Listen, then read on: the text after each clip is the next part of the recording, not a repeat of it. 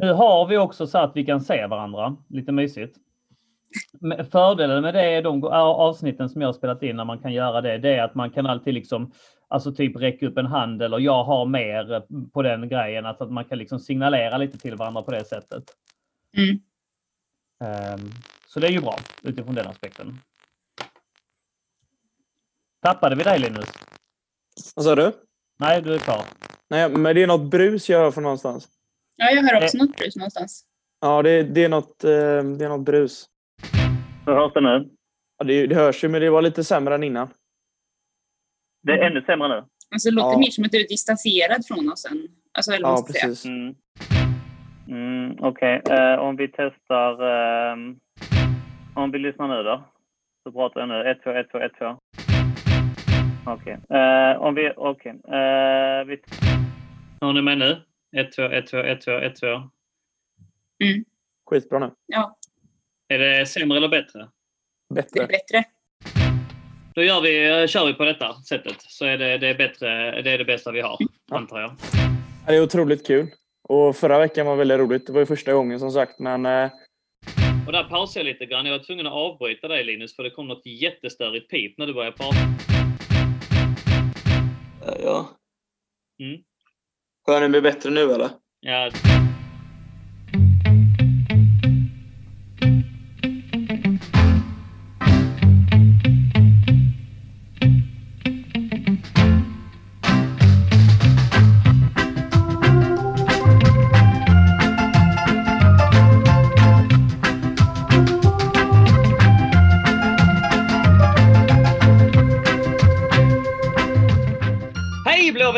Välkomna till ett nytt avsnitt av CSS-podden, den enda svenska Chelsea-podden skapad av och manövrerad av Chelsea Supporter Sweden, den enda officiella svenska Chelsea-supporterföreningen med platinamedlemskap i Chelsea FC.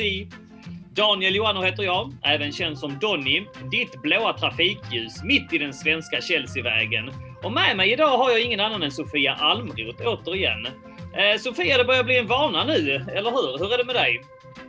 Det är bara bra med mig eh, och ja, det börjar bli en väldigt rolig bana att få komma tillbaka. Ja visst är det så. That's the spirit. Uh, och faktum är att vi är faktiskt exakt samma manskap som förra måndagen. Uh, då även Linus Sjöström var med och är med här för andra veckan i rad. Linus, premiären avklarad och du blev ju hyllad för din insats i vår CSS-podden-grupp på Facebook. hur känns det att vara tillbaka? Jag tycker det är otroligt kul att få vara med igen och få lite mer kött på benen och fortsätta. Otroligt kul att få prata av mig lite om Chelsea. Vad härligt. Och då kan vi nu avslöja för lyssnarna att vi har hållit på i en halvtimme här eh, fram och tillbaka med diverse ljudkrångel. Idag spelar vi in via Zoom efter återkommande kritik med att ljudet är dåligt. Och låt mig bara adressera det så här i början. Vi gör allt vi kan för att ljudet ska bli bättre. Eh, vi jobbar inte i någon studio någon av oss, så att det kommer aldrig gå att bli så bra som era bästa poddar där ute, era bästa sportpoddar. Toto Balutto exempelvis. Vi kommer aldrig få det så bra, men att det ska vara bättre, det strävar vi efter. Och nu har vi alltså lagt ner en halvtimme här med olika mikrofoner, olika inspelningsverktyg. Eh, vi har hittat en nivå nu som vi tror kommer bära hela avsnittet och eh, vi hoppas att det är tillfredsställande i alla fall. Eh, och ni ska veta att vi tar det på allvar och att vi vill få så bra ljud som möjligt. Och en riktigt full utvärdering kan man inte riktigt göra förrän det är inspelat och upplagt som sagt. Men vi jobbar vidare på det och det är skönt att vara igång i alla fall. Avsnittet då? Jo, men idag ska vi konstatera att förlusten mot West Bromwich Albion visst, det var en tillfällig blipp då vi studsade tillbaka med råge. Dels i matchen mot Porto, men också i London-derbyt mot Crystal Palace. Och så har vi börjat göra mål. Sex mål på dessa matcher har det blivit. Det ska vi bena ut, analysera och hylla. Och så ska vi blicka framåt. Porto igen alltså redan på tisdag. Vi spelar in detta måndag kväll så att eh, när du lyssnar på detta så kanske du redan ser fram emot den där kvällsmatchen. Hur ser våra chanser ut? Ja, dagen till ära har vi även slängt ut en tråd på CSS-podden-gruppen där våra mest inbitna lyssnare har kunnat ställa frågor. Och frågor har det blivit. Dessa ska vi tackla och mycket mer. Välkomna till avsnitt 102 av CSS-podden.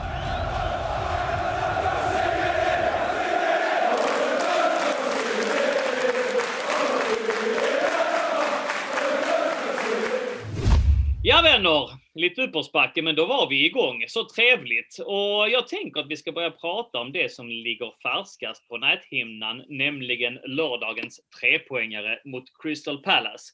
Sofia, ta oss Mm. igenom laguttagningen. Ja, vi hade ju Mendy i mål. Eh, Det var väl ingen större chock där. Eh, Vi hade en trebackslinje med Aspi, Zuma och Ry- Rydiger. Eh, Och där var väl Zuma som kom in, men det var väl istället för Christensen som var skadad, om jag förstod rätt. Ja, men inget allvarligt va? Nej, han är ju med i truppen nu som åker ner till Port- Porto idag. Eller Mm. Sevilla åker de ju till, men ja. Ja, precis. Eh, vi hade Callum Hudson-Doy som eh, wingback. Eh, Jogge och Kovacic i mitt- mitten och Chilwell ute på vänstervingen. Vi hade en fronttrio med Mount, Pulisic och Havertz. Och ja, vad ska man säga om det? det? Det är lite förändringar från förra matchen, men samtidigt så är det väl förväntade förändringar Mm. utifrån det. Om vi börjar i backlinjen då, vad är tankarna när du ser Zuma där i, i mittlåset i den trion? Eh, med tanke på att Silva faktiskt inte får spela och att eh, ja, nu Christensen var skadad så, så var det ju inte så mycket val och än att sätta in honom där. Och jag tycker att han är bättre i, eh, i mitten i en treback än han var ute på en kant senast. Det känns lite säkrare i alla fall. Så är det. Framåt fick eh, Callum Hudson-Odoi eh, välbehövliga minuter. Han har ju fått mycket förtroende från Tuchel precis inledningsvis, men har fallit lite ur ramen. Men han skötte det bra, eller hur? Ja, men det tycker jag att han gjorde. Eh, han tog löpningarna på kanten och han hade ett ganska fint samarbete tillsammans med Mount framåt. Så att, eh, ja, han tog tillvara på chansen. Och eh, på andra sidan så känns det, min känsla är nu att visst är det så att Chilwell har eh, lite tagit taktpinnen från Alonso där. Jo, men så är det. Eh, han gjorde en bra insats mot Porto senast och sen nu han fortsätter med självförtroendet som han fick efter den matchen. Eh, så att han, han känns säkrare än vad Alonso gör på den platsen just nu. Framåt som du var inne på, eh, Christian Pulisic är ändå lite förvånande att han eh, fick en startplats. Eller förvånande är det ju inte, man väntar ju på att han ska starta. Men eh, någonstans så att eh, Werner passerades till bänken eh, var ju ändå någonting man höjde lite på ögonbrynen kring. Ja, både och. Eh, jag tycker väl inte att Werner har gjort de bästa matcherna på senare tid. Han tar mycket löpningar och så, men han har blivit väldigt bolltittande. Så att Pulisic start, startar känns ändå ganska bra med tanke på, eller jag, var lite osäker med tanke på att han har varit skadad nyligen, men jag tycker att han ska gå före just nu i det här läget. Och framåt som sagt, eh, Havertz eh, i eh, nia slash falsk nia roll. Det börjar vi också bli vana vid nu. Ja, men det, det gör vi och jag, han gör det ju bra och för varje match som han spelar där så tar han ett kliv till och jag tyckte Mm. att han tog ett jättestort kliv nu i, i lördags. Linus, innan vi slänger oss in i händelserna, eh, spontana tankar kring eh, laguttagningen?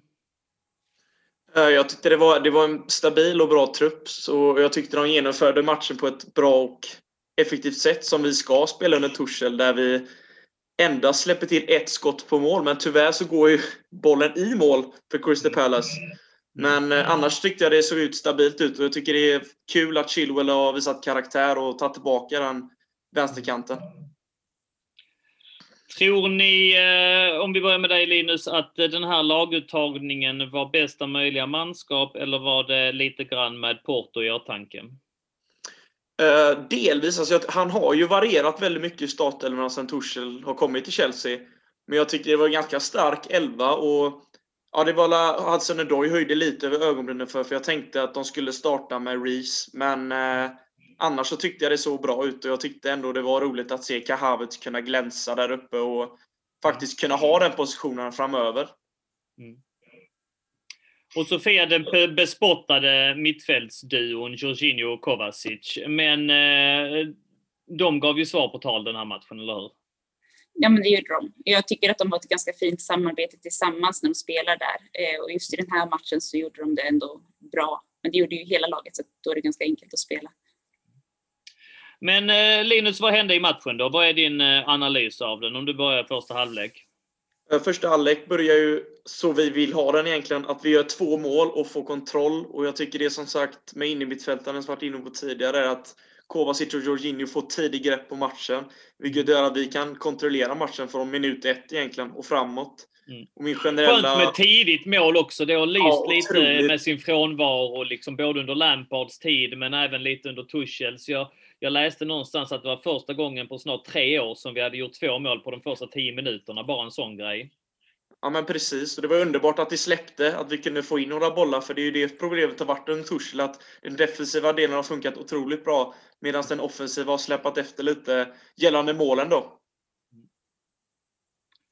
Så är det ju. Och eh, i övrigt så var det ju ett spel som flöt på, som du sa, man tog tag i taktpinnen direkt. Och eh, framförallt så de individuella prestationerna så var ju de som kanske skulle ta chansen, att de tog chansen också. Eller hur Linus?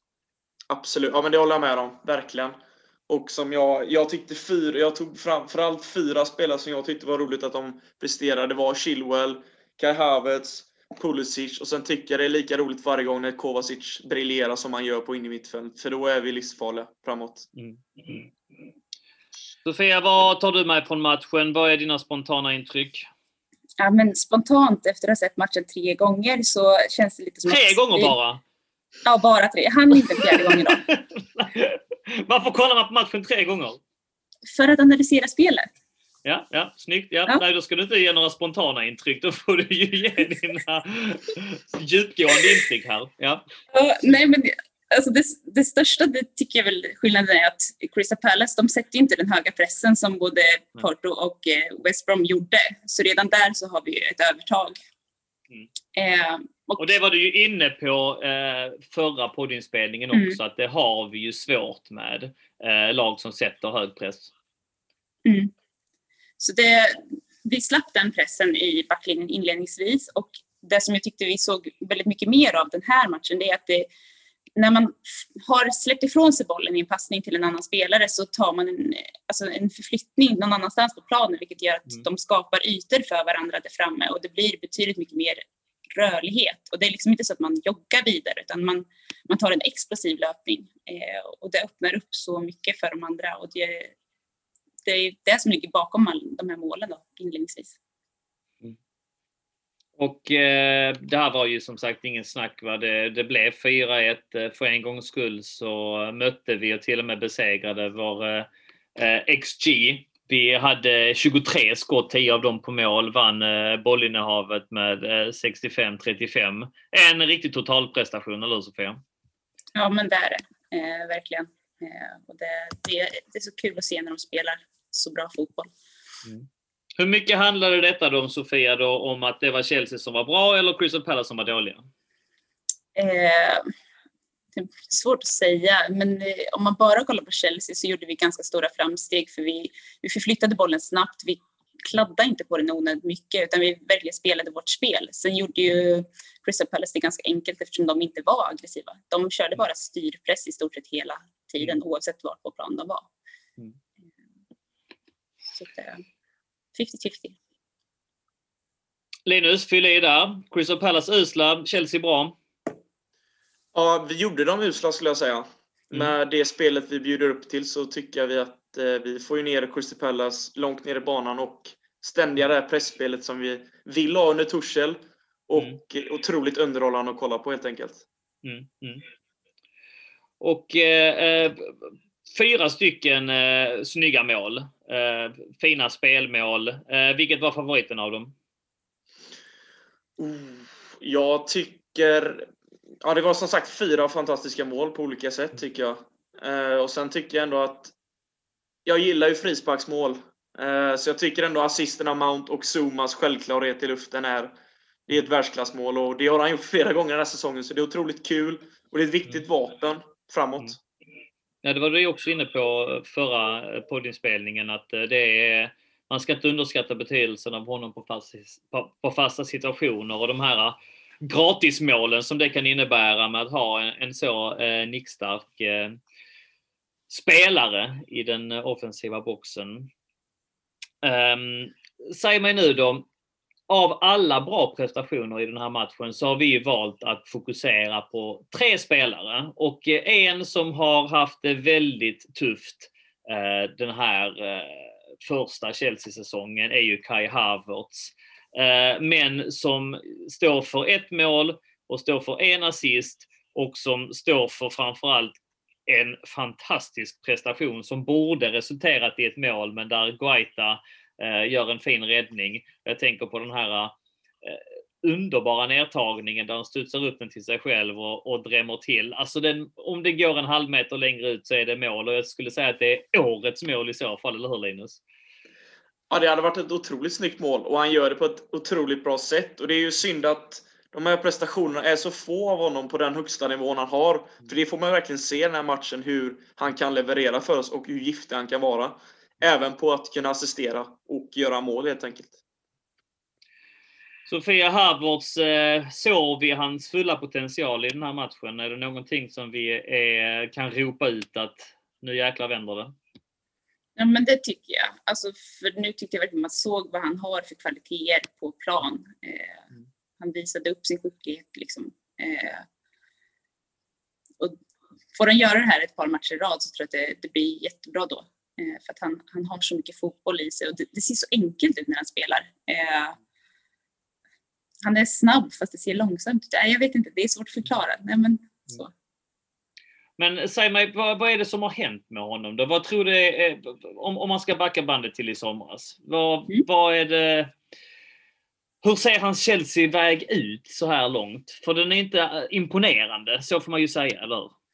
Nej, eh, för det första så är han ju väldigt ung. Och så kommer han till ett nytt land, ett nytt språk, en ny kultur. Eh, och det tar alltid tid att komma in i en ny liga.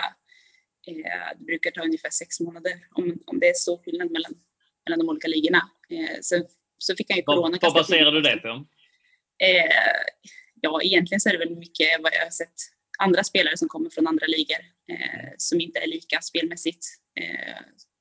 Många spelare som kommer från utlandet kommer hem till Sverige tar ungefär sex månader innan de mm. kommer tillbaka. Eh,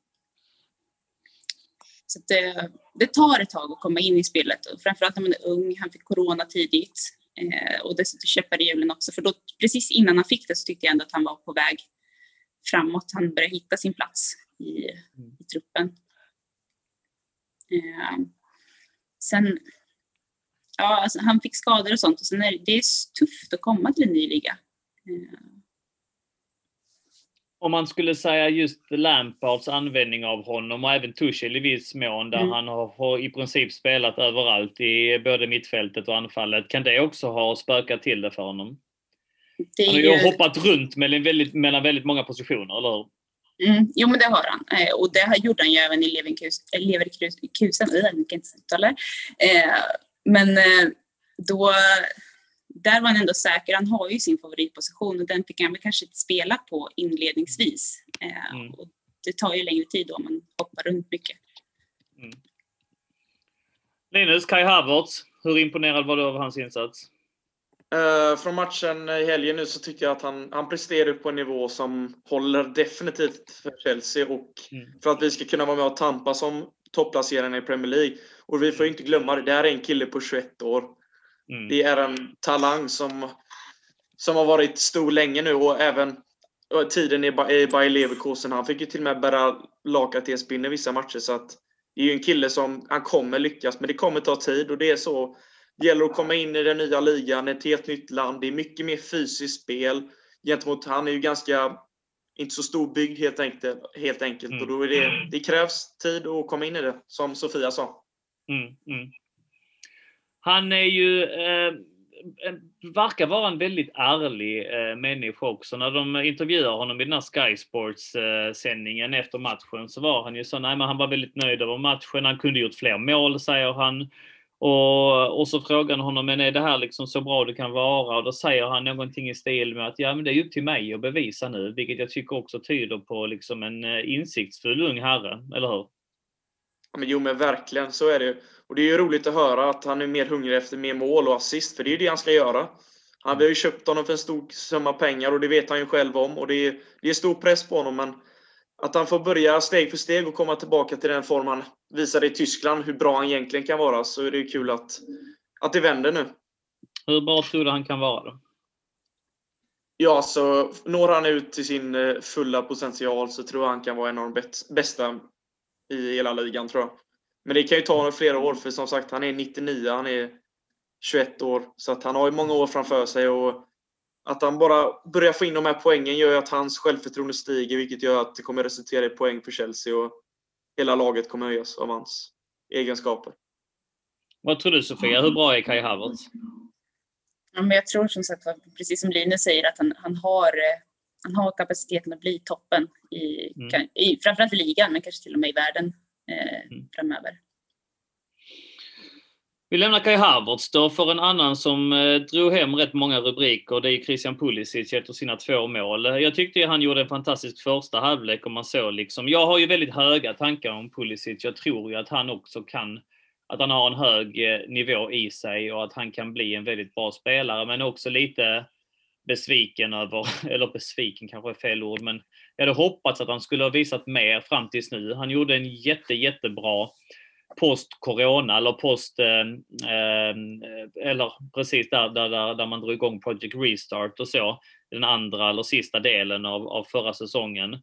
Men, men har den här säsongen också tampats mycket av skador. Men man såg att han glimtade till under den här första halvleken. Föll lite ur ramen i andra halvlek, men gjorde ändå sitt andra mål. Eh, vad, vad säger du om hans insats, Linus?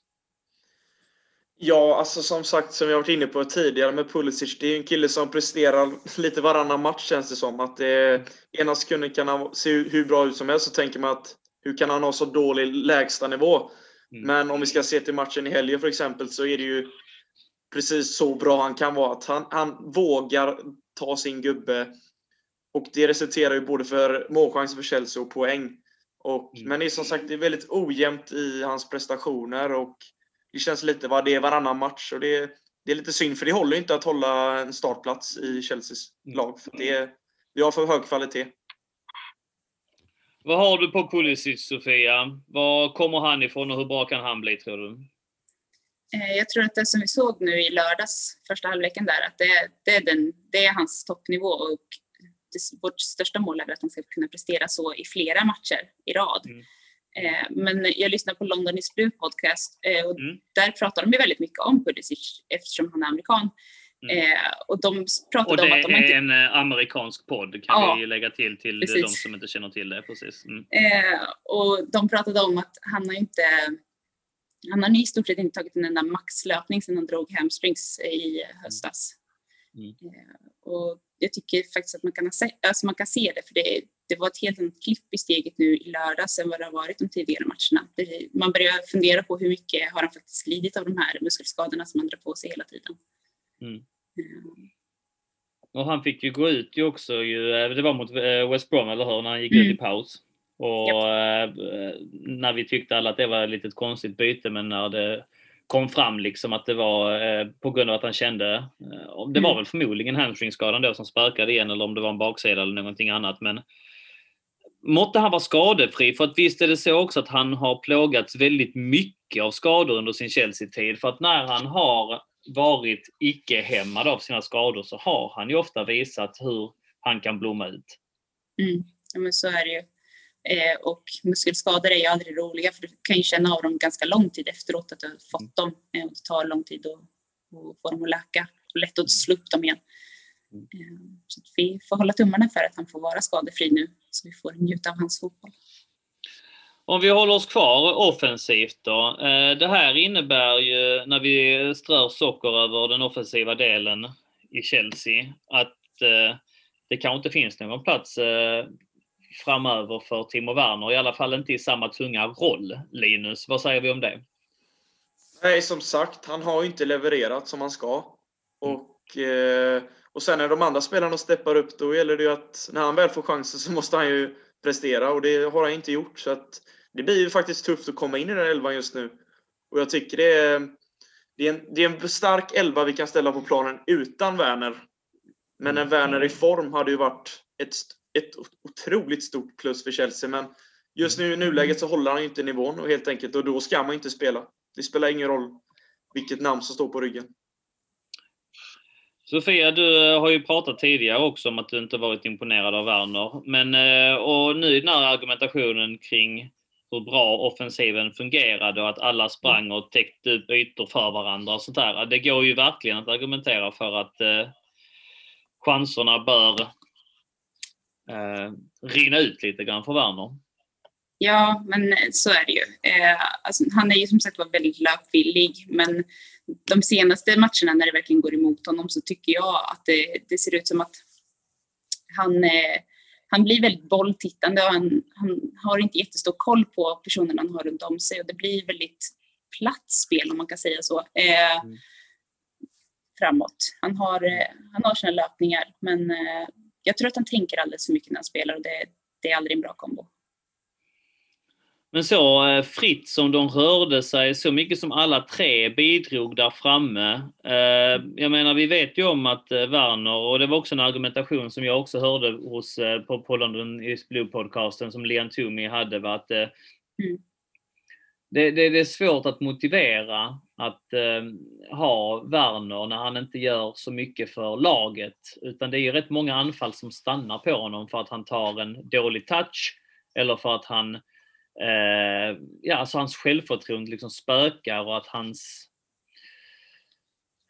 han får inte till det. Och när han väl får till det, då är det ju mer för egen del. Va? Att han gör en genombrytning och en fantastisk prestation. Men att man inte kan sitta och vänta på det i ett lag som är beroende av alla elva spelarna. Utan man, det här liksom eh, eh, fria rörelsemönstret som den här trion hade där framme i Crystal Palace-matchen. Det är någonting man mm. eftersträvar och bör försöka bygga vidare på. Ja men så är det ju. Eh, det, det var det som var så kul att se nu i helgen. Eh, jag önskar att Timo kunde vara där och göra samma sak men i dagsläget gör han inte det. Så är det Linus, någonting annat från matchen som du tycker är värt att nämna?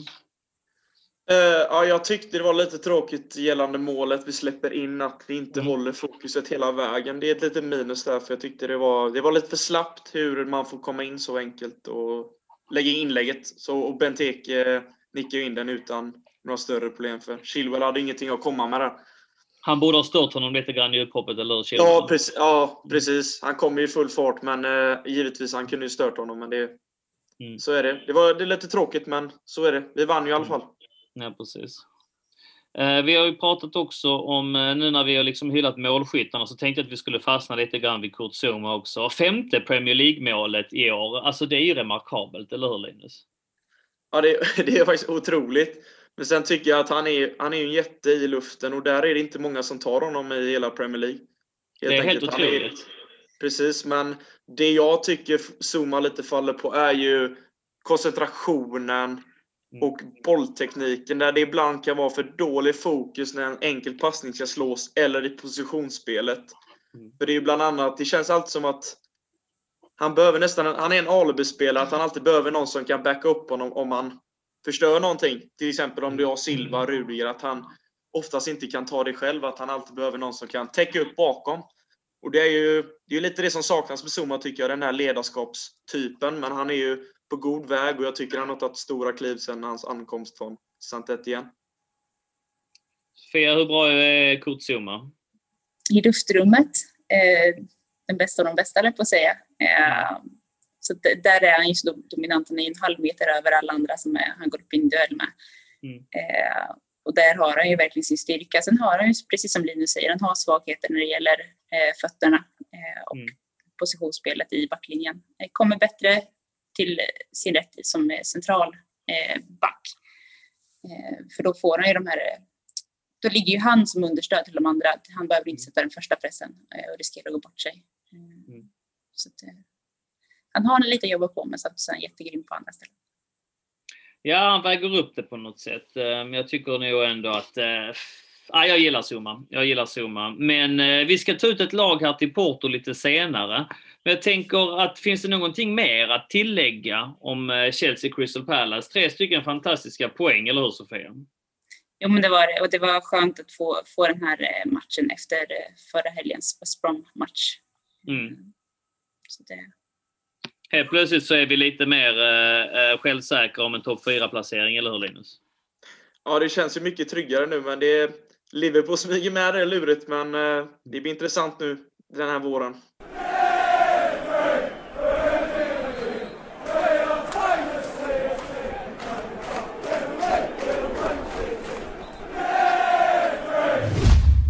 Det stänger vi Crystal Palace-boken och ska prata lite grann om eh, vårt nästa motstånd i Champions League. Vi kommer alltså från en 2-0-seger mot Porto och vi har ju inte spelat in podd sen dess heller, så att den matchen måste vi blåsa över lite grann, Linus. Eh, ta vid!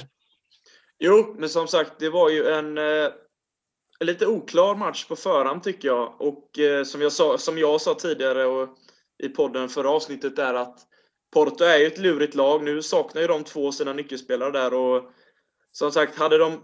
Vi fick ju mål tidigt där i, eller ja, i slutet på första där när Mount hittar in 1-0 och det känns som att där vänder matchen lite till våran fördel genom att Porto har inte så mycket att backa hem för. De måste också lyfta upp lite gällande bortamålet och så vidare. Och sen när vi hittar in 2-0 så tycker jag det, det ser stabilt ut och eh, det känns bra inför det andra mötet helt enkelt.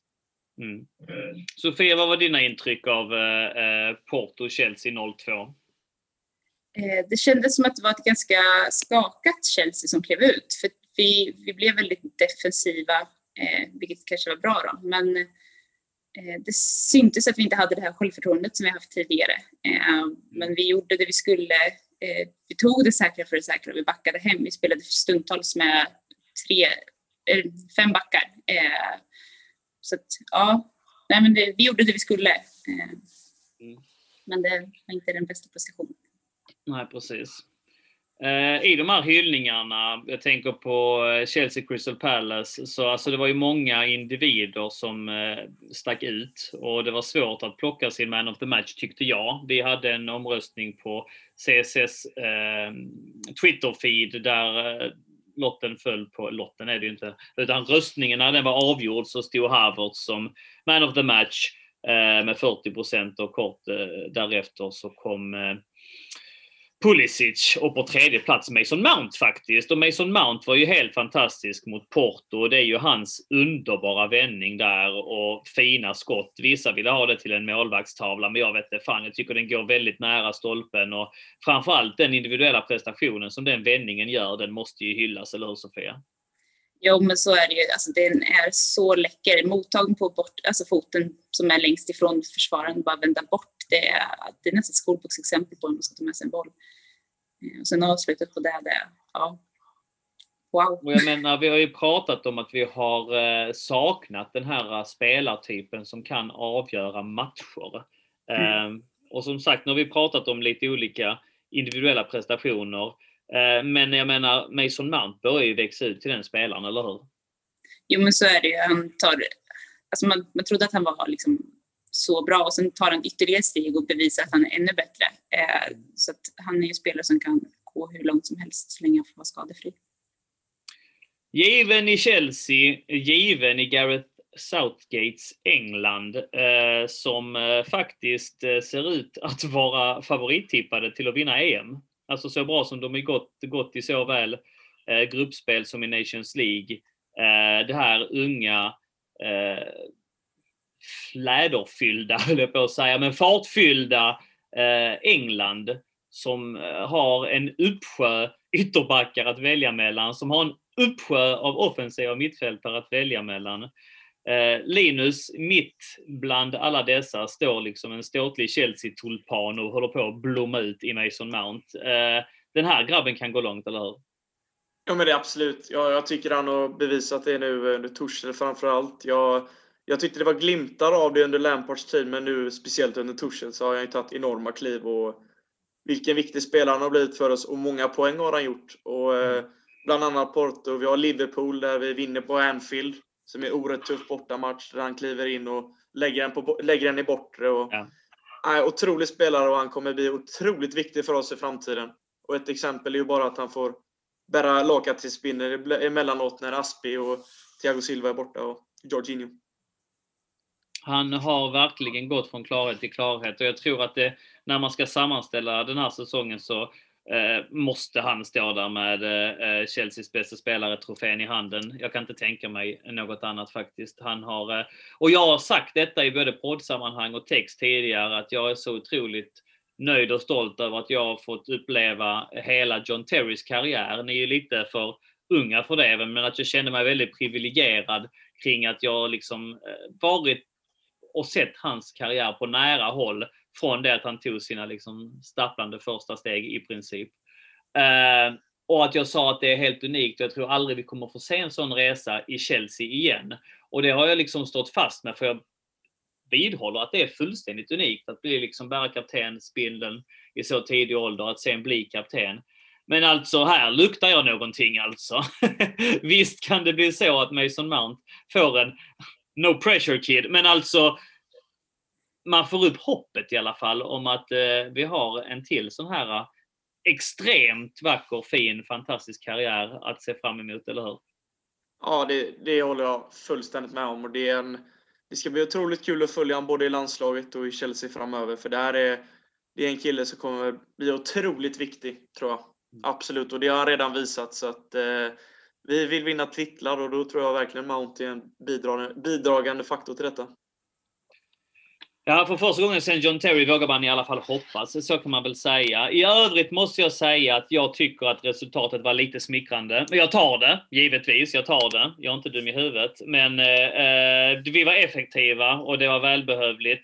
Men eh, vi såg att vi var tagna av stundens allvar. Vi såg att vi var präglade av det mycket chockartande resultatet i matchen innan då mot West Brom. Och det tyckte jag att man kunde se.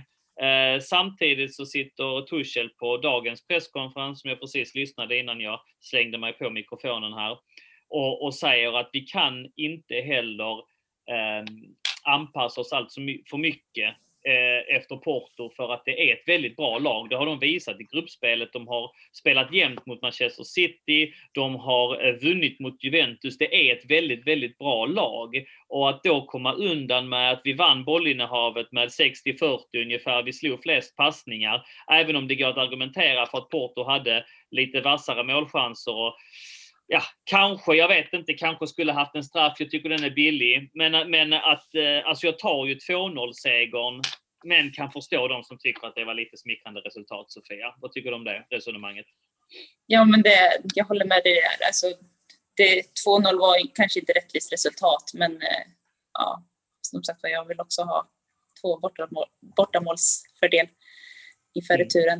Mm. Så ja, och i en sån match som mot Crystal Palace, eh, känslan jag fick av Tuchel var att man, man går in för att kontrollera en sån match från sekund ett. Men känslan jag fick av hans argumentation i presskonferensen idag var att man kan inte gå in för att kontrollera hela matchen mot ett så bra europeiskt motstånd, Linus.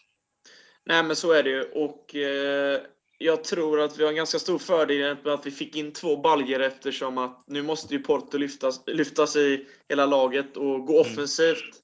Vilket mm. de låg lite och väntade på när det var 0-0. De trivdes ganska bra med att vi började bli lite mer frustrerade mm. att få in den här 1-0. Och nu är det ju faktiskt de som måste jaga och vi kan ju definitivt utnyttja vårt kontringsspel och hur vi agerar efter det då. Mm. Vad eh, tror vi det är för status på Porto just nu då, Sofia? De kommer ju från en 2-0-seger nu senast i lördags. Eh, så de har ju ändå vunnit. En ganska så övertygande seger också, där man eh, dominerade all statistik vad jag såg. Ja. Mm. Mot Tondela då, ett mittenlag i portugisiska ligan. Precis. Och det, precis som oss har de ju nu fått en vinst. Mm. Men de måste ju vara mer aggressiva. Eh, jag tror att de kommer de var aggressiva i sin press nu den här matchen. Så var, eh, jag tror att de kommer komma ut ännu mer i, i aggressivitet. De får ju tillbaka mm. två av sina nyckelspelare, vilket är positivt för dem. Mm. Eh, så att, ja, jag tror att det kommer vara ett hungrigt Porto vi ser som kommer ut. Och de här två nyckelspelarna vi pratar om det är alltså Medi Taremi och mm. Sergio. Oliveira, laget två bästa målskyttar. Eh, mm. Taremi är ju anfallare och Oliveira mittfältare, men det är alltså Oliveira som har gjort flest mål eh, för Porto i år, eller denna säsong. Mm. Um, och det vi såg när jag kollade på Portos, då i alla fall statistiken från deras senaste match, var att båda dessa spelare började på bänken men kom in i andra halvlek. De fick med sig resultatet men också en indikation på att man kanske sparade dem just inför det här viktiga eh, returmötet mot Chelsea. Hur mycket tror du att de kommer att lyfta laget, Sofia? Eh, jag tror att de kommer bli mycket vassare framåt sett eh, mot vad, vad de var i förra matchen. Eh, mm. så att, sen hoppas jag att vi kan stänga ner dem ganska bra. Men eh, just de två spelarna, eftersom de har gjort så extremt många mål, så kommer de också kunna vara det som avgör till slut. Eh, mm. Linus, jag kollade på Portos matcher här ehm, och jag var tvungen att bläddra tillbaks till den 30 i tionde innan jag hittade en ligaförlust. Ehm, man har vunnit sina fem senaste matcher, men alltså man har inte förlorat på vad som känns som år och dagar i ligan. Ehm, det är ett bra lag vi går upp mot här va? och än är inte matchen färdigspelad, eller hur? Nej men så är det verkligen. Och eh, kollar man i Champions League, alla lag som kommer långt i Champions League är duktiga lag och man ska inte underskatta något. Och vi vet att det kan hända mycket under 90 mm. minuter och speciellt i ett slutspel där allt handlar om att vinna och gå vidare. Så då gäller det att hålla nerverna i styr och eh, förhoppningsvis få 1-0 där vi kan känna oss lite mer trygga med att fortsätta och ösa på framåt och mm. inte börja tveka och tänka för mycket. Vi behöver bara få, få ordning på matchen från start tror jag, så kommer vi kommer vi lösa detta. Men de har offensiva krafter som ej ska underskattas. Och jag vet att Tarimi kom in och gjorde även mål för Porto. Så att, eh, mm. där, där har vi en gubbe där uppe också som kan leverera. Ja, precis, han gjorde det i den här senaste ligamatchen. Alltså. Så är det. Det är den enda matchen de har hunnit spela såklart eh, mellan eh, våra båda möten. Eh, och apropå det här med resultat och sånt, för att bena ut det lite grann. Eh, så pratar just Tuchel om det på dagens presskonferens också, att man ska inte närma sig matchen med någon form av defensiv inställning. Eh, och, man ska absolut inte tänka på resultatet för då blir man bara dum i huvudet. Det du sa här nu med ett tidigt mål, ja, vad hjälper det? Alltså ska vi vara rent rationella så Porto måste fortfarande göra tre mål. Alltså, du vet, ju mer man tänker på det, va? okej, okay, men oh, eh, ska vi gå för oavgjort? Ska vi, ska vi ta 1-0? Ska vi, alltså, Eh, vi vet om Porto gör, gör Porto tre mål så är det stor risk att de, de eh, går vidare. Alltså de vinner ju de facto matchen på 3-0 men de vinner de facto matchen på 3-1 också. För att då går ju eh, bortamålsregeln i hamn. Och Tuchel touchade alltså detta på dagens presskonferens. Att det är bäst att inte tänka överhuvudtaget utan att bara ta matchen som den kommer. Man, man, pratar om att man visst ska spela sitt eget spel, men vi vet Sofia att anpassningar sker från den där tyska hjärnan, eller hur? Jo, men så är det ju. Eh, och jag tror ju att han kommer vara väldigt noga med den, de defensiva spelarna han sätter ut på planen, att de faktiskt gör sitt jobb ordentligt. Ehm, för att alltså, Tuchel har alltid tänkt ett steg extra och jag tror att det kan, vi kan se lite förändringar i typen startelva med tanke på att han pratar om att matchen kan gå till 120 minuter och sånt. Ja. Eh, så han har alltid en, ett S i rockärmen. Ja, och där pratar han ju också om eh, balansgången här med, med eh, Kante. Att mm. eh, han tyckte att det var fantastiskt att Kante hade återhämtat sig redan till Portos, till första mötet mot Porto. Att man inte hade förväntat sig det utan man trodde att han skulle komma tillbaks först mot Crystal Palace. Men han pratar ändå i termer om att han inte är helt tillbaks och att eh, han kommer att fatta beslut om Kante eh, tidigt under tisdagsmorgonen. Eh, om han ska starta eller om han ska komma in. Och han tänker ofta så, Tuchel, va? att han tänker över 90 minuter.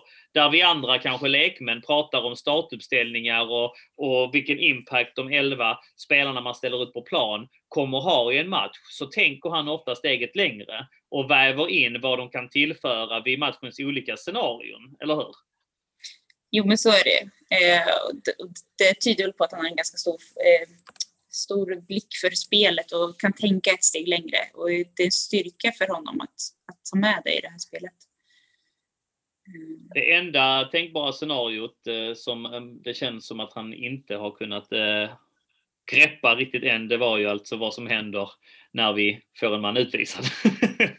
det fick vi ju se i alla fall. Och därför ja. sa ju Jonas Olsson någonting väldigt vettigt i Viasat-studion att det kändes verkligen som att av allting man har försökt sätta i träning på den här korta tiden sen Tuchels ankomst så har det här blivit bortprioriterat för att laget visste inte vad de skulle göra när man gick ner en man. Och eh, ja, låt oss hoppas att så inte blir fallet mot Porto i alla fall.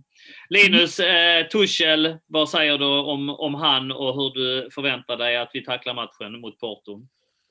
Nej, men jag tror vi ska försöka gå ut som vi alltid gör och försöka få till vårt pressspel och dominansen från mittfältet är oftast väldigt avgörande. Och eh, har Kovacic vaknat på rätt sida så tror jag det går vägen. Och eh, jag tror det, kan bli, det kommer bli en bra match och spännande, tror jag. För att eh, det är alltid roligt med Champions League och slutspel kan mycket hända. Men förhoppningsvis så går det i vägen och vi tar oss till semifinal. Ta ut startelvan då. Hur vill du starta? Jag tror Mendy i mål. Mm. Eh, Aspi. Mm. Eh, jag är lite osäker med just det här med Kristensens status där. Man är inte helt säkerställd om han kommer vara helt hundra. Men Det är- lutar åt att han kommer vara helt hundra. Jag har Ja. tagit del av en Atletico-artikel också som säger att det var liksom rent eh, säkerhetsåtgärd att han ställdes. Han, ibland så ställs han undan med en fis på tvären, jag vet inte. nej, Min precis. farsa Ja, har en det- teori om att eh, han kan ha IBS. Han säger att ibland har han blivit utbytt i paus och sånt. Att, att hans tarmar kanske krånglar. Jag vet inte om det kanske ligger något i det. Men, men det, alltså, det har varit eh, ibland liksom med, med märkliga eh, förhållningar som man eh, ibland vidtagit liksom försiktighetsåtgärder kring Kristensen och det kändes som att det var så. Och det verkar som att de flesta utgår från i den medierapportering som jag har tagit del av att han är helt återställd till den här matchen. Så att eh, utgår du från att han är det också? Ja, men precis. Jag såg även att han var med i 23-mannatruppen där de släppte. Sen Mm. tror jag även Rudiger. Mm. Eh, och sen från höger, eh, offensivt sett, så blir det Reece James, Kovacic. Och där är ju frågetecken då vi pratade om tidigare med Kanté eller inte. Om de vågar. Men eh, Chilwell, Pulisic, Mount. Och jag tror man fortsätter på samma spår med Kahavets. Mm. Så hela eh, tre, den offensiva trion som vi såg från eh, Crystal Palace. Ja, men precis. Jag tror den kan bära frukt även denna match. Eh, finns det ingen argumentation som gör gällande att vi borde satsa med Giro längst fram? Just att köra upp lite bollar som man kan eh, nagla fast på ett annat sätt eh, än vad Kai Havertz kan. Eh, jo, jag, jag satt och tänkte på det innan, om det skulle vara Kahavets eller Giro jag tar. Men jag tror att utifrån matchbilden så är det inte att vi behöver slänga upp långa bollar. Jag tror mest att vi kan hålla den på backen och snabbt och kontringsspel. Så jag tror vi behöver komma upp snabbt i banan och straffa dem. Och då tror jag Kai Havertz passar bättre i denna matchen gentemot Giroud. Det ligger något i det. Eh, Sofia, Mm. speglar du den här laguttagningen eller är det något annat du har eh, lagt märke till och vill få in? Eh, jag tror ju inte att man startar med Kanté. Eh, jag Nej. tror ju att man sparar honom på bänken, så därför så har Mm. jag sagt eh, Jogge där istället. Mm. Mm. Men annars håller jag med. Men det finns ingenting som tyder på att det blir någonting annat framåt, tänker jag. Nej, jag tycker inte det. För Giroud har inte gjort några jättebra insatser de senaste tiden. Han, har sett, Nej. han börjar se gammal ut om man får säga så. Eh, Ja. och jag tycker att det, eftersom det gick så bra för fronttrion nu den här senaste matchen så är det bättre att fortsätta bygga på det. Mm. Och sen se Och- vad det. Men backlinjen känns ju som att den skriver sig själv, om det inte är så att han väljer Thiago Silva istället. Finns det någon sån chans? Eh, jag tycker väl inte att om Christensen är helt fit for fight tycker jag att han, han tillsammans med Aspi och Rydiger har gjort det väldigt bra den senaste tiden. Så Mm. jag, jag har svårt att se att man ska peta Christensen och sätta in Silva där istället, även om han har mer rutin. Eh, Ja, men då tar vi det då. Eh, klockan nio imorgon. Nej, förlåt. En timme tidigare vet vi. Klockan åtta. Häng med oss eh, direkt från CSS-podden-gruppen där vi lägger ut matchtråd, vet jag.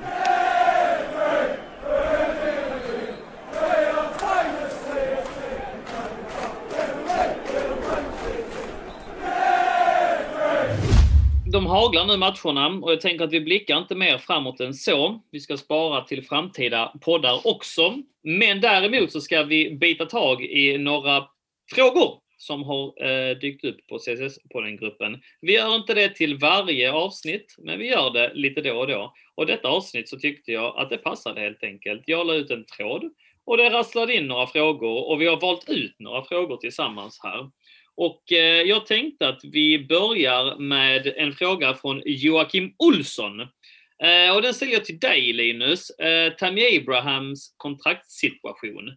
Hur tror ni det blir? Stannar han och kritar på ett nytt eller söker han lyckan i en annan klubb? Hur står det till med hans kontraktssituation om vi börjar där? Precis, och kollar man The Guardian så har ju han ett kontrakt som är 2023 gällande den här som aktiveras den här klausulen då med förlängningen. Så han har ett kontrakt till 2023. När aktiverades den då, för den som inte känner till?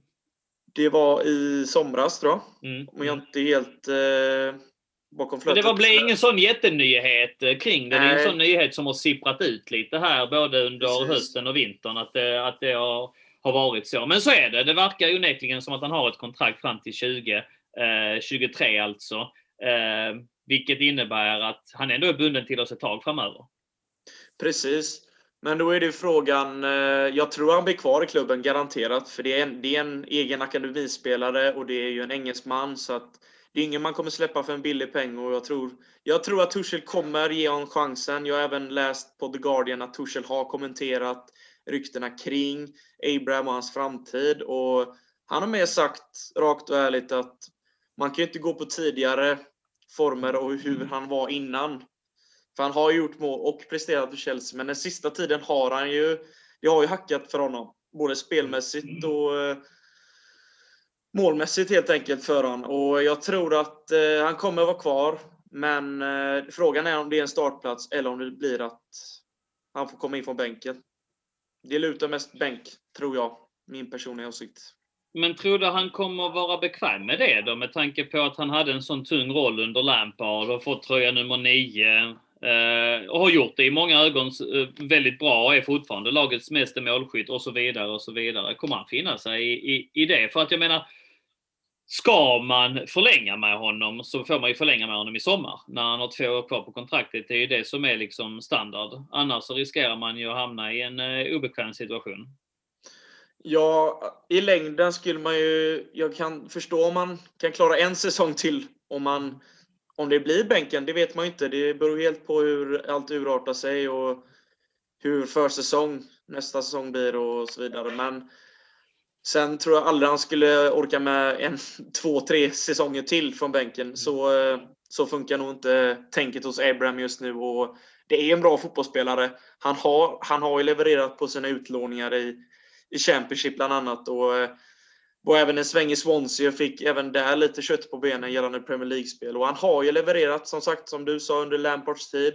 Men har det fått det tufft i sista tiden. Och det, det blir intressant att följa. Och som sagt, levererar Kahavet så kommer det ju bli oerhört svårt. Och, och om Werner börjar komma igång. De två tror jag går före Abraham i, i tillfället. Sofia, en helt annan grej angående Abraham är ju också, eh, som är väl värd att eh, i alla fall beröra i den här diskussionen och det är ju att eh, det är onekligen så att Chelsea tycks vara på jakt efter en anfallare i sommar, eller hur? Hur tror du han eh, reagerar på det? Ja, alltså, antingen så tar han det ju som, som en utmaning och, och får se hur, hur han står sig mot en eventuell ny spelare. Men det kan ju också bli så att det känns som att han, han, han upplever att han inte har någon plats eller framtid i klubben och att han då därför söker sig vidare. Ehm, det beror helt på hur han, han själv agerar på, på eventuellt nyförvärv. Vad tror du då? Ja, alltså det beror på. Jag, jag vet faktiskt inte. Jag, jag tror faktiskt inte att han vill vara, är nöjd med att sitta på bänken utan jag tror att han vill ha speltid. Ehm, så att, om det är så att han får välja bänken då tror jag faktiskt att han kommer söka sig efter något annat. För att jag kan, eh, jag kan ju sitta här i april och mer eller mindre lova att eh, Chelsea kommer att varva in en anfallare i sommar. Det finns ingenting som inte tyder på det. Och eh, då tror jag ju att eh, vi kommer att ha svårt att övertala Abraham att konkurrera om en plats. Men det kanske blir så. Ni kanske får rätt. Låt oss hoppas det. Jag tycker ju absolut att det finns fog att inte skriva av Abraham för all framtid. Jag tror fortfarande det finns potential i honom. Jag tycker fortfarande inte att han är en anfallare just nu som ska bära ett eh, lag med titelambitioner i Premier League.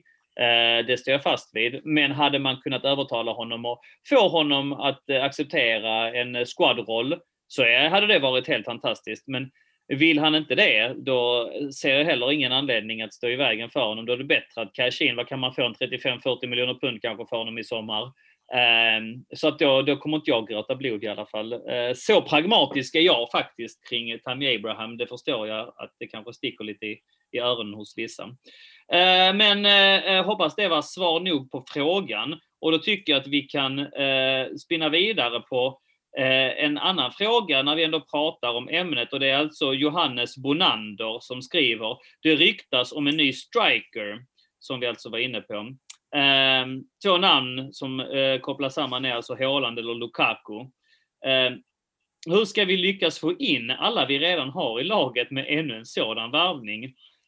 Ehm, och hur tror ni att vi skulle ställa upp om vi exempelvis skulle värva Haaland till exempel? Linus? Ja, jag tror ju att Haaland är definitivt ett val som de flesta klubbarna i hela Europa, i fotbolls-Europa vill ha i sitt lag. Och mm. Han hade passat perfekt in i Tuchels fotboll tror jag också med pressspelet och det här ständiga jagan efter bollen om man vill erövra snabbt. Och, och att vi, han har ju passat perfekt in i, i hela spelsystemet tror jag. Och han är ju definitivt en av de bästa just nu i världen gällande att göra mål och skapa chanser och göra poäng för sitt lag. Sofia? Mm. Haaland, ja or nej? ja, eh, finns det plats för honom i truppen att, att han är rätt spelartyp för den, den fotbollen som Tuchel vill spela i höst så visst, gå för det. Men eh, jag tror att man måste tänka ännu mer på, på, på vad, vad har vi för plan, vad, vad vill vi få ut? Eh, inte bara värva spelare för att de är bäst för tillfället. Mm. Mm. Det är lite ja. problematiskt med hans agent också, eller hur? Ja, vill vi ha honom i, i uh, hängandes i kulisserna på Stamford Bridge liksom och ställa till det eventuellt? Nej, helst inte va? Helst inte, nej. nej. Tänker det också. Vi går vidare med frågorna. Nåväl. vi har en fråga eh, från Rasmus Gustafsson. Den tar vi eh, till dig Sofia. Hur kan mm. Jorginho få spela så mycket som han gör? Tycker saknaden av en riktig innermittfältare med bra pass, slash djup, slash crossfot saknas rejält. Både Jogge och Kova slår mycket bollar med snö på. Mm. Eh, jag tror ju att anledningen till att han får väldigt mycket speltid är att han har mycket rutin. Eh, han pratar väldigt mycket när han är på plan. Eh, gestikulerar och styr sina medspelare ganska mycket. Visst, han är väldigt upp och ner i sina prestationer eh, och det är ett väldigt stort minus. Men för tillfället, eftersom Tuchel vill spela med två sexer eh, och mm. eh, Kanté är skadad till och från så är inte han ett säkert kort att sätta in där. Och då, när han är skadad då har vi liksom inget val, då måste vi sätta in någon och då är det ju Gilmore eller Jogge och där så förstår jag att man väljer Jogge före Gilmore eftersom Gilmore är betydligt mycket yngre inte har riktigt samma erfarenhet. Mm. Eh, så jag tror att det är ett rent taktiskt val just och brist på andra spelare att sätta in. Eh, ja, och sen jag kan argumentera för att det saknas, alltså precis som Rasmus säger, att det saknas en riktig innermittfältare. Men Jogge kan göra det när han har den dagen. Och han verkar vara en sån spelare som är väldigt beroende av eh, vad det är för typ av match. Hur mycket kittlar den liksom. Eh, för han gjorde ju en extremt platt match mot West Brom men eh, steppade ändå upp sig mot eh, Porto när det betyder lite mer. Eh, och han tillsammans med Kovacic, de, de gör det bra. De kompenserar varandras brister. Men som sagt var, de slår många bollar med snö på. Det gjorde de inte nu senast mot Crystal Palace. Men de har många bollar som inte riktigt lyfter så som, som man skulle önska. Nej, de blandar och ger minst sagt, även om jag tycker att Kovacic har en jämnare och även i viss mån högre nivå än, än eh, mm. Jorginho. Något att lägga till där, eh, Linus?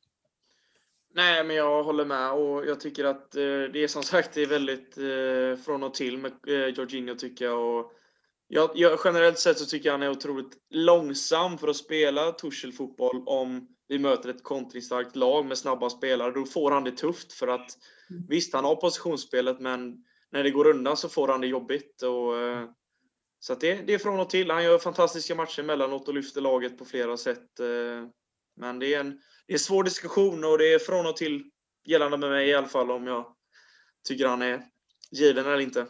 Mm.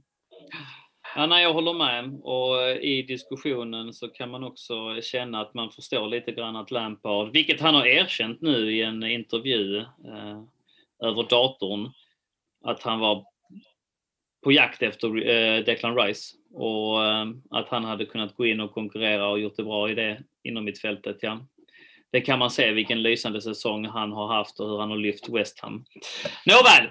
Ehm, vi glider ifrån ämnet. Vi går tillbaks till frågorna. Vi har en fråga här från Marcus Skönneby. Och han skriver, vad tycker ni om Deco i Chelsea? Något speciellt minne? En av alla bortglömda lirare. Jag gillade honom. Eh, och den här får jag nog hugga tag i för att eh, det här vet jag inte om ni var tillräckligt gamla för att eh, uppleva eller har så mycket minnen av. Men det kanske ni, ni har Linus? Ja, men det har jag faktiskt. Ja. Jag, jag började ju följa laget 08-09 säsongen där. Ja, se där, vad fördomsfullt av mig. ja, det är lugnt. Jag är, jag är som sagt bara 21 så att jag förstår om du mm. trodde något annat.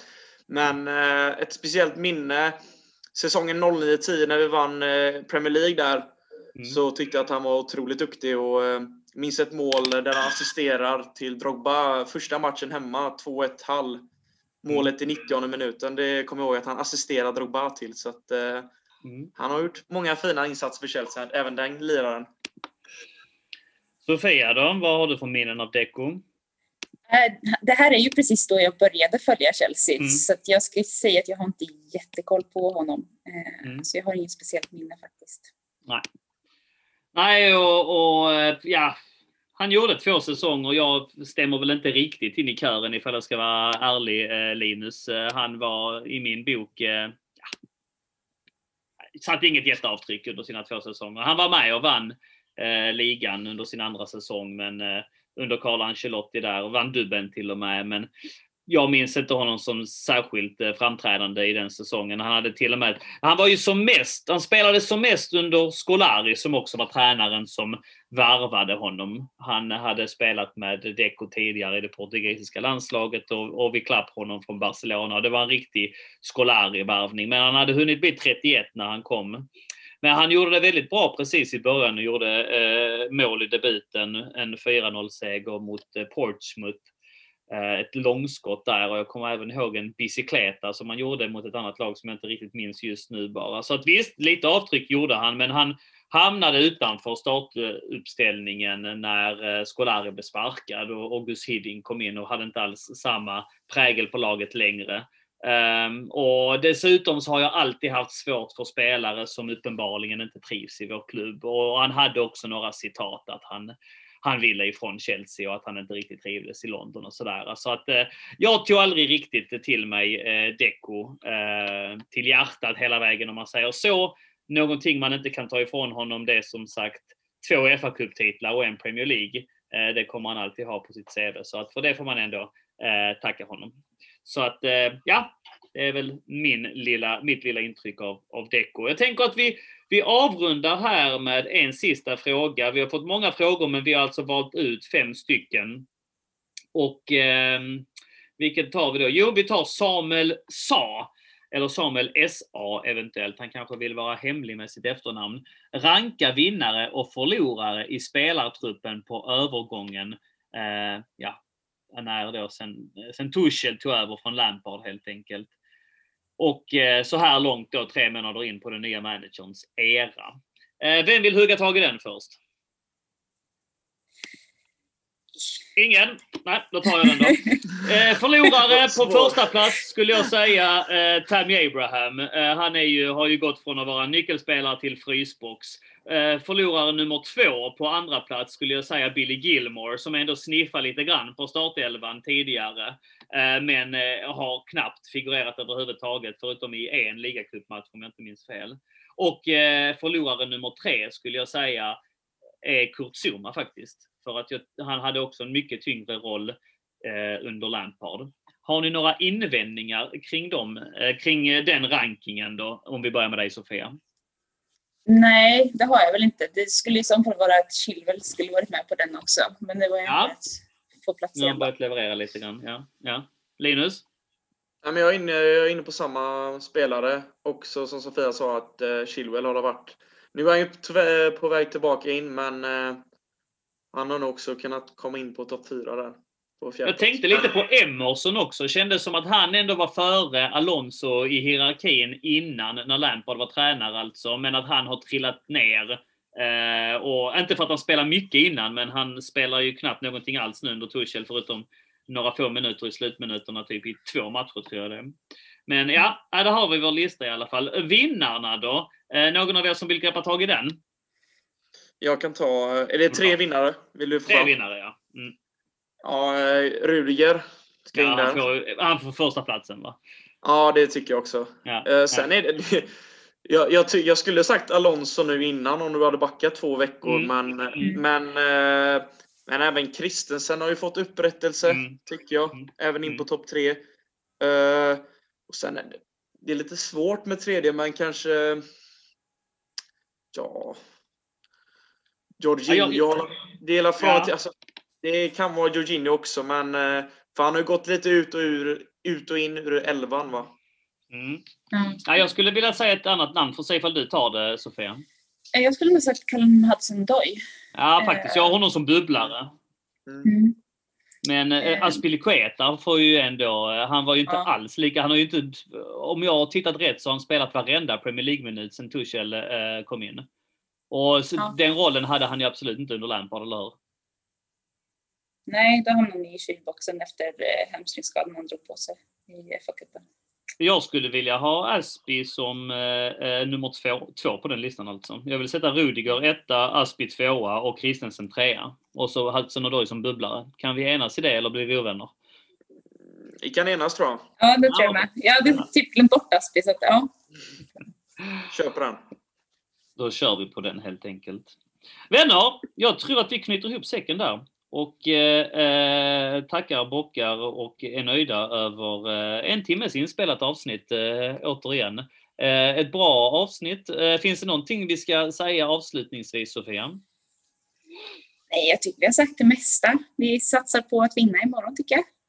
Jajamensan. Och det här lättsamma, härliga stämningen, man vaggas lätt in i den alltså. Men så vet jag om när jag vaknar imorgon så kommer den vara med mig hela dagen alltså. Så att jag njuter bara av att, att jag inte har stressat upp mig riktigt än. Men så vet jag om att det enda man kommer att tänka på under morgondagen är detta. Eh, Linus, hur nervös är du inför morgondagen redan nu? Eh, redan nu brukar det vara ganska lugnt, men när jag lägger mig så brukar matcherna nästan gå i repeat på huvudet. Hur, hur matchen kommer se ut och eh, men pulsen finns ju alltid under matchdagen. Då är det inte så värst. Då är det inte så mycket man, man kan fokusera på. Nej, så är det va. Och, eh, alltså någonstans i detta, men det visst, det kan vi diskutera i en annan podd också. Men jag menar, det är klart att man vill vinna allting man går in i. Och Tuchel fick ju de här frågorna också på presskonferensen idag. Va? Samtidigt så kan jag inte hjälpa att känna att vilket slöseri det vore om vi vann eh, Champions League i år. Om man inte har chans att få vara där alltså. Man har liksom inte ens chans att få se matchen på en pub så som det verkar just nu i Sverige, liksom att det är restriktioner med åtta, att man måste liksom sluta dricka öl då och skickas hem. Så att eh, det, det, är lite dubbeläggat i allt detta också, den här konstiga coronasäsongen. Eh, förstår ni vad jag menar? Ja, absolut. Tuffa tider, men eh, givetvis så hoppas vi blir nervösa och håller alla tummar och tår i vilket fall som helst. Eh, bra! När vi knyter ihop säcken så vill jag avslutningsvis påminna alla att följa oss på sociala medier. Det är supporterföreningen Chelsea Supporter Sweden som står bakom podden och man behöver inte vara medlem för att ta del av vårt ideella arbete. Men vill man stötta på ett enkelt sätt så kan man göra det genom att som sagt följa oss på sociala medier.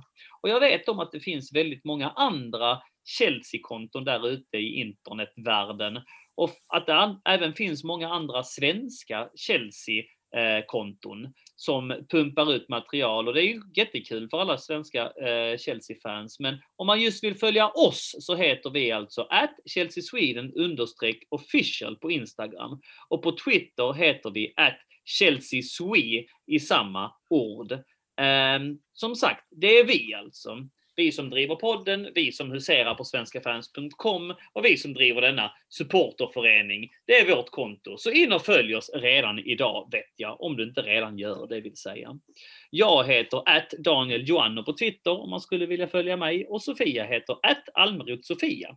Och Linus heter att Linus Sjoström 99. Och vill man får man gärna följa oss också. Men viktigast är alltså att ni stöttar föreningen.